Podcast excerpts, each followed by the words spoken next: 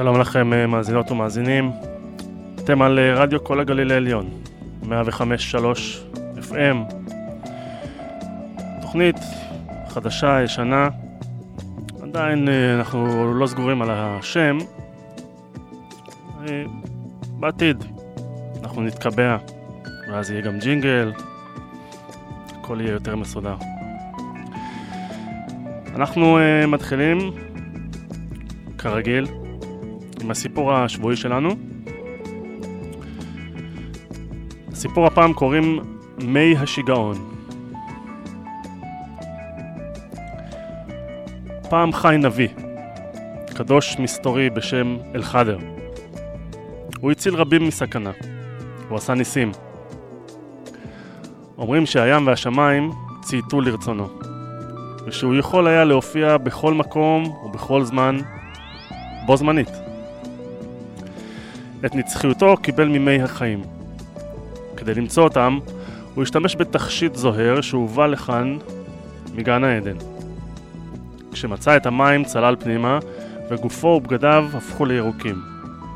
בכל מקום בו פסו רגליו, נעשה ירוק. אלחדר הציע הדרכה לרבים מנביאי העולם הזה, ביניהם משה. יום אחד כשמשה דיבר בפני ציבור, מישהו שאל אותו מי האיש החכם מכולם. כשמשה ענה שהוא החכם ביותר, האל גילה לו שיש מישהו חכם יותר. זה היה אלחדר. אך הרבה לפני שאלחדר פגש את משה, הוא הגיע לאנשים שלו עם אזהרה. הוא הסביר כי בקרוב כל המים בעולם ייעלמו ויוחלפו במים שונים. המים החדשים יהיו מי שיגעון והם ישגעו אתכם, אמר אלחדר לאנשים. כדי להציל את עצמכם, אתם חייבים לאגור את כל המים שיש על הארץ, שמרו אותם ותנצלו. אבל רק אדם אחד הקשיב לעצתו של אלחדר. האיש הזה החל לאסוף מיד את כל המים שיכול היה. הוא הלך לנהרות ולנחלים, אגמים ומפלים ובריכות. באמצעות צנצנות ובקבוקים, חביות ודליים, סירים ומחבטות, הוא אסף מים. הוא אחסן את המים במערה שדית. הוא לא סיפר לאיש על המערה שלו, ואף אחד לא ידע איפה היא נמצאת. ואז, יום אחד, בדיוק כמו שאלחדר הזהיר, היובלים הפסיקו לזרום. האגמים והבארות והמפלים התייבשו עד מהרה כל אפיק נחל הפך אבק, ולא משנה לאן פנו אנשים, לא היה מים. האיש שהאזין לאלחדר הלך בסתר למחבוא שלו. הוא הקפיד לוודא שאף אחד לא יראה אותו. הוא ישב במערה ושתה את המים העגורים שלו. מתוך המערה החשוכה והשקטה שלו התבונן בשמיים, ממתין למים החדשים שירדו על הארץ. כעבור זמן לא רב, הגיעו המים החדשים. האגמים והנהרות והבארות התמלאו שוב. מפלים ניתזו בעוצמה מסלעים. בכל מקום שהיו מים, שוב היו מים. האנשים שמחו שמחה גדולה ושתו את המים. האיש במערה בטוח כי הכל שב על מקומו בשלום. יצא החוצה כדי לחזור לאנשיו. כשראה אותם שותים מכל הלב מדליים גדולים שנשאבו מהבארות שלהם, הוא ניגש וקרא שלום, אך איש לא הגיב. מהר מאוד גילה האיש שאנשיו השתגעו. הם דיברו שפה שונה לחלוטין מהשפה שהם דיברו פעם. לא היה להם שום זיכרון עבר. איש לא ידע דבר על דרך העולם לפני המים החדשים. נראה שהם לא נזכרו באזהרה של חדר, ולא ידעו דבר על ימי העבר. האיש ניסה לספר להם, אך כשהוא דיבר, איש לא הבין אותו. והוא שם לב למשהו יותר גרוע. הם חשבו שהוא השתגע. הוא ניסה להתווכח איתם. אתם רואים את האגם הזה שם? זה היה מדבר. ואפיק הנהר היה רק סלעים ואבק. הבארות שלכם יבשו. הם רק בהו. מה הוא אומר? הם שאלו בשפה שלא הבין, ולכן לא היה לו מושג מה הם אומרים.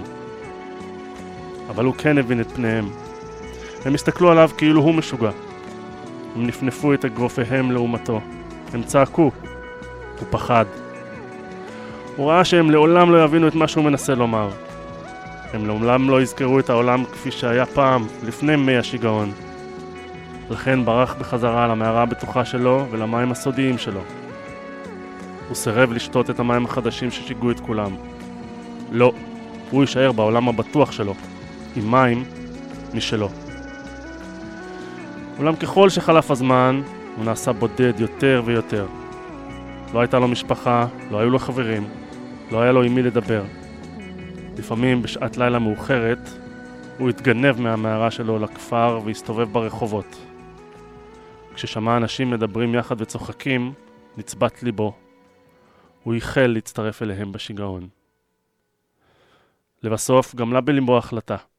הוא ישתה את המים החדשים ויהיה כמו כל האחרים, גם אם משוגע. באותו יום הלך לבאר שהייתה פעם שלו, ושאב מתוכה דלי מים. צמא לחברות, שתה. בתוך רגע הבין את השפה שדיברו האחרים, וכשעברו חבריו הוותיקים הוא הצטרף אליהם. הוא שכח את כל העבר, הוא שכח את המערה שלו ואת המים שלו. חבריו חיבקו אותו ובכו. היית משוגע, אבל חזרת לשפיות. ומכיוון שכבר לא זכר, גם לא התווכח.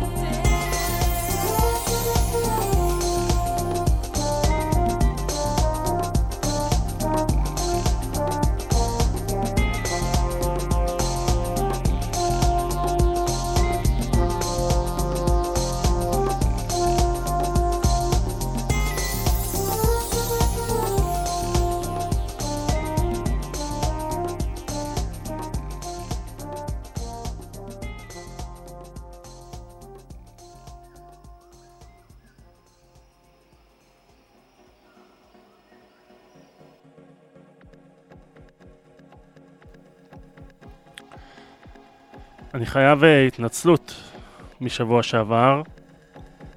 קטע שהשמעתי פה ולא נתתי קרדיט לחבר שכתב את הקטע וגם שר, בין אם uh, בקול צלול ובין אם בצרידות.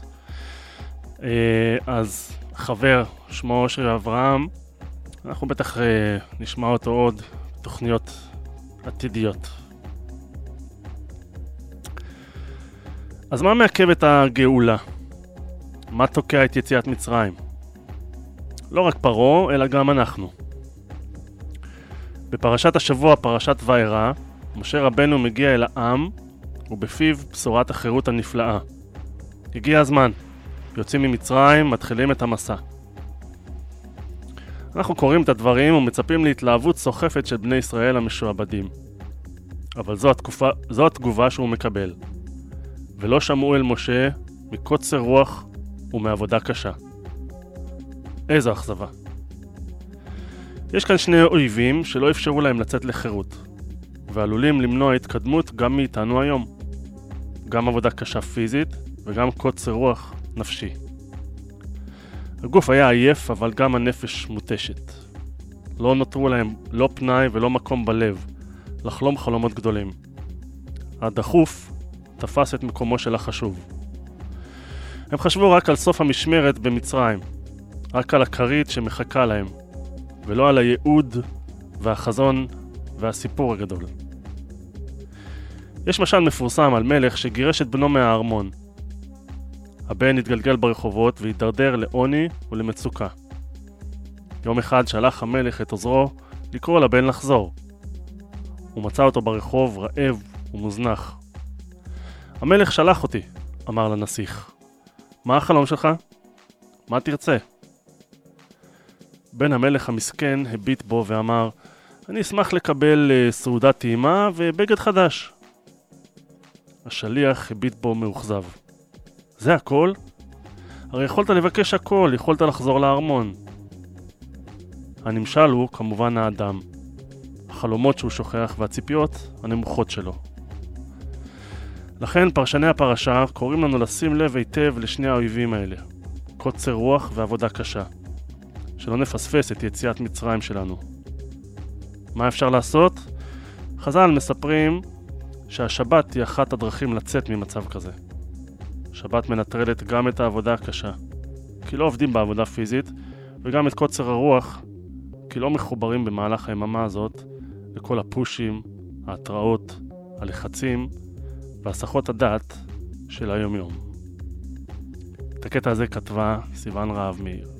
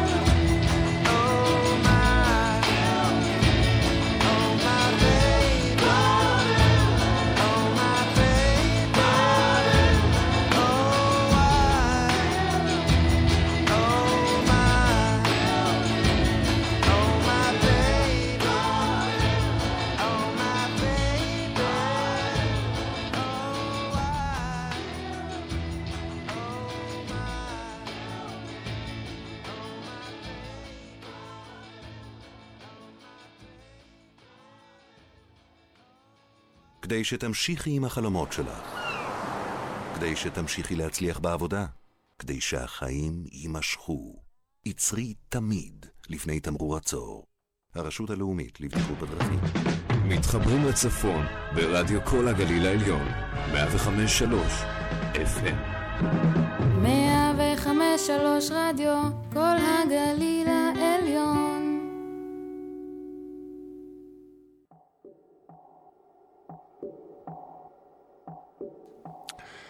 חזרתם אלינו לרדיו כל הגליל העליון, 105.3 FM.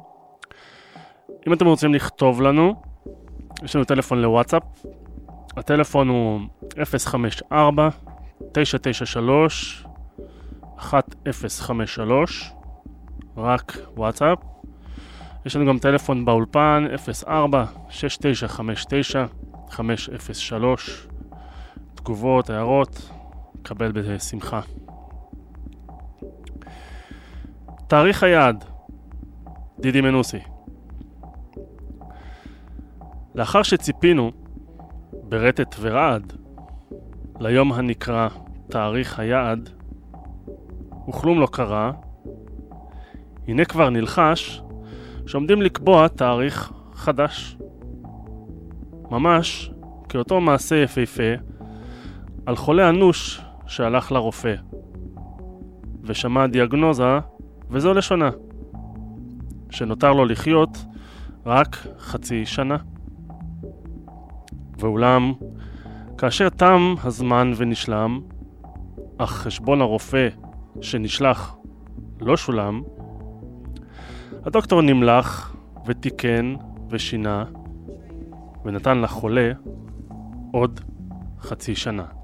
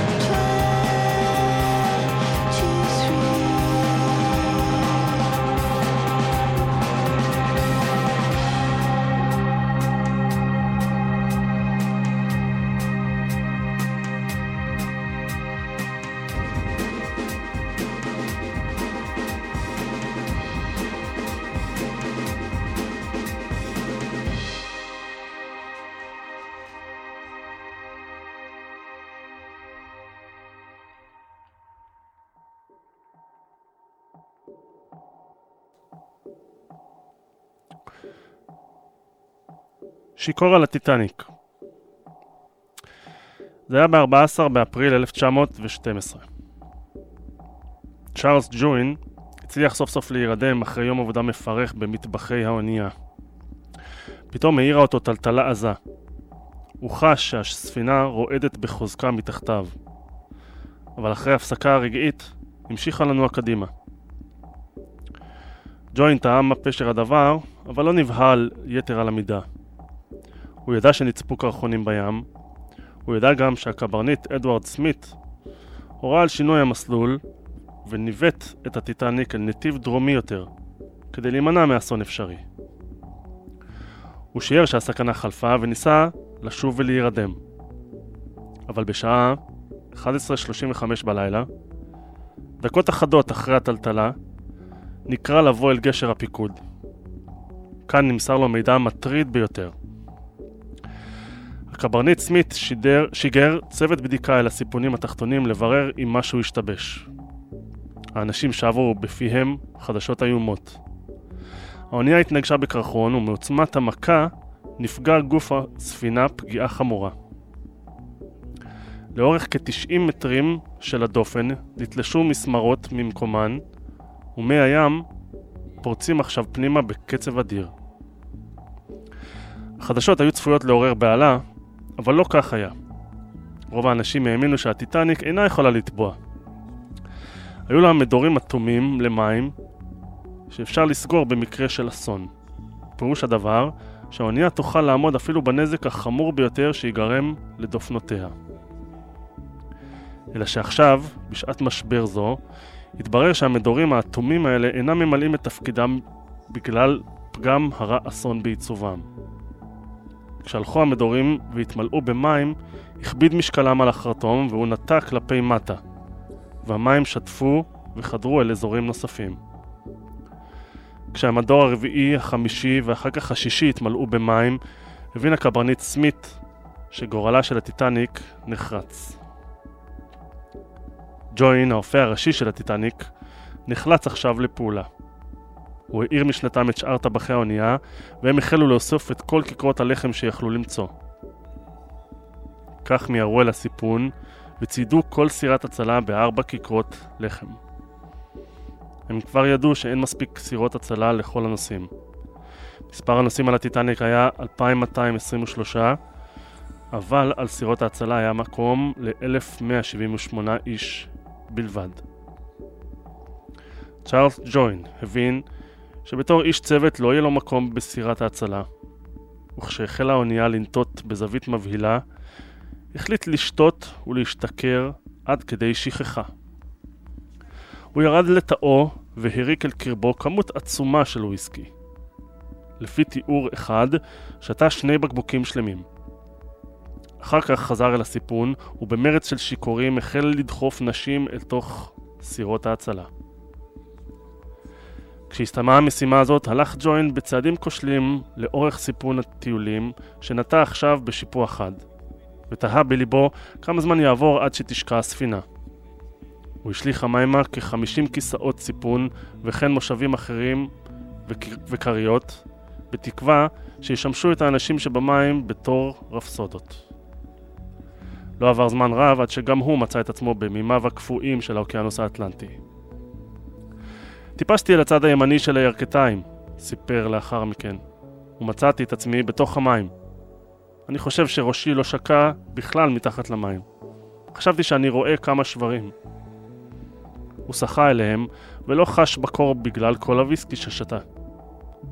מצאתי סירה מתקפלת, ועליה ראיתי את לייטולר, החובל השני של הטיטניק, ועוד כ-25 אנשים.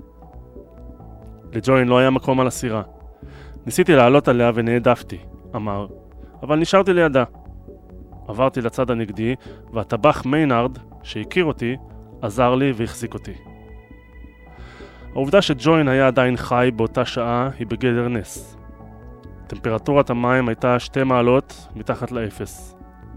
רוב הנוסעים ואנשי הצוות שקפצו המימה מתו מהיפותרמיה בתוך 15 דקות.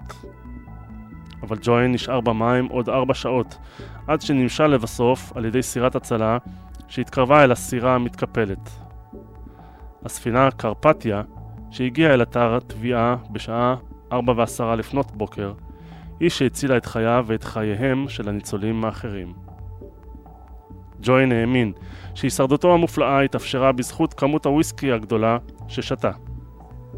מזלם של 1,517 נוסעים ואנשי צוות אחרים לא שפר עליהם, והם מתו במים, פיקחים וקופאים מקור. טביעת הטיטניק לא הייתה אסון הטביעה האחרון שחווה ג'וין. הוא היה על ציפונה של הספינה אורגון, כשזאת טבעה בנמל בוסטון. גם באסון הזה הוא שרד. אם כי, לא ידוע אם גם הפעם נעזר בבקבוק וויסקי אחד או שניים.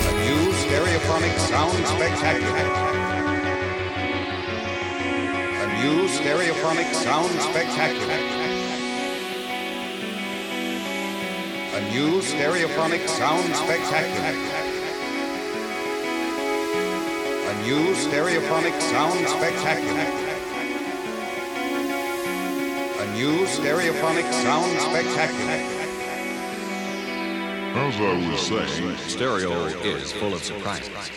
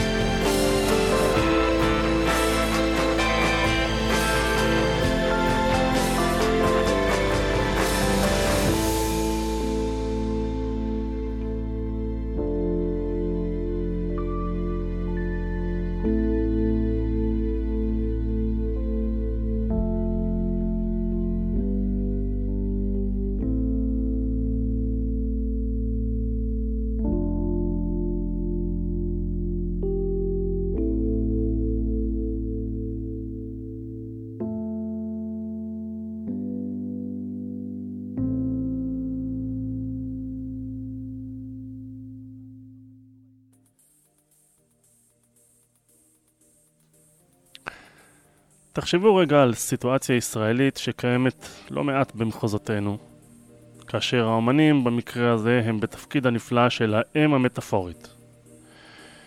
משפחה שחלקה בשמאל וחלקה בימין. אחים שיש ביניהם ויכוח. אחד חושב שביבי משחית ומפרק את ישראל, ואחר חושב שהאיש הזה שהביא חיסונים והסכמי שלום נרדף כפי שלא נרדף מנהיג מעולם. אחות אחת סבורה כי אין פרטנר פלסטיני, בעוד גיסה משוכנע כי הפלסטינים תחת כיבוש נוראי ויש להצטרף לשוברים שתיקה. עכשיו תחשבו על שולחן החג של המשפחה הזו. מה התפקיד של האימא ברגע הזה? מה הדבר שחשוב שהיא תעשה? תצטרף לוויכוח ותצדד באחד הצדדים, או תנסה להרגיע את ילדיה, להגיש להם את האוכל שהם כה אוהבים, ותבקש מהם רק בזמן סעודת החג להניח לפוליטיקה? אלה אחים שאוהבים אחד את השני, שגדלו יחד ויש ביניהם כל כך הרבה מן המשותף, שכל זיכרונותיהם הרוגים אלה באלה. ואם הם ישקעו בוויכוח הפוליטי, למשל הם יושבים עכשיו באיזה פאנל בטלוויזיה, הם יעשירו במשהו את הדיון הציבורי? הם ישכנעו אחד את השני? האם זה באמת חיוני ודחוף למישהו שגם בשעתיים האלה שבהן הם יושבים יחד עם ההורים והנכדים, הדיון הצפוי והלולעתי ימשיך להתקיים גם בבית הספציפי שלהם? האם אין מקום לאפשר לעיתים גם מרחב נקי ונוסטלגי של אהבה משפחתית שאין בה תנאים? זה לא שמישהו משלה את עצמו שהאהבה הזו מטשטשת את הפערים בעמדות, אבל זה כן אומר שכולם מבינים שלצד ברור המחלוקת, גם לאהבה ללא תנאים ולכבוד הדדי יש מקום. האם בקשת האם, בקשה שנשמעת בבתים רבים שיש בהם מחלוקת, אנא בלי פוליטיקה בסעודת שבת או חג, היא בקשה פחדנית או לא? אין אמיצה ממנה. זה הקטע של חנוך דאום. בקטע הזה מגיעה תוכניתנו לסיומה. אני מקווה שנהניתם. אתם הייתם על uh, רדיו כל הגליל העליון, 105.3 FM. אני חיים אגרמי, משחרר אתכם לשבת ומבטיח שאנו נתראה יום שישי הבא בין שלוש לארבע. שתהיה שבת שלום.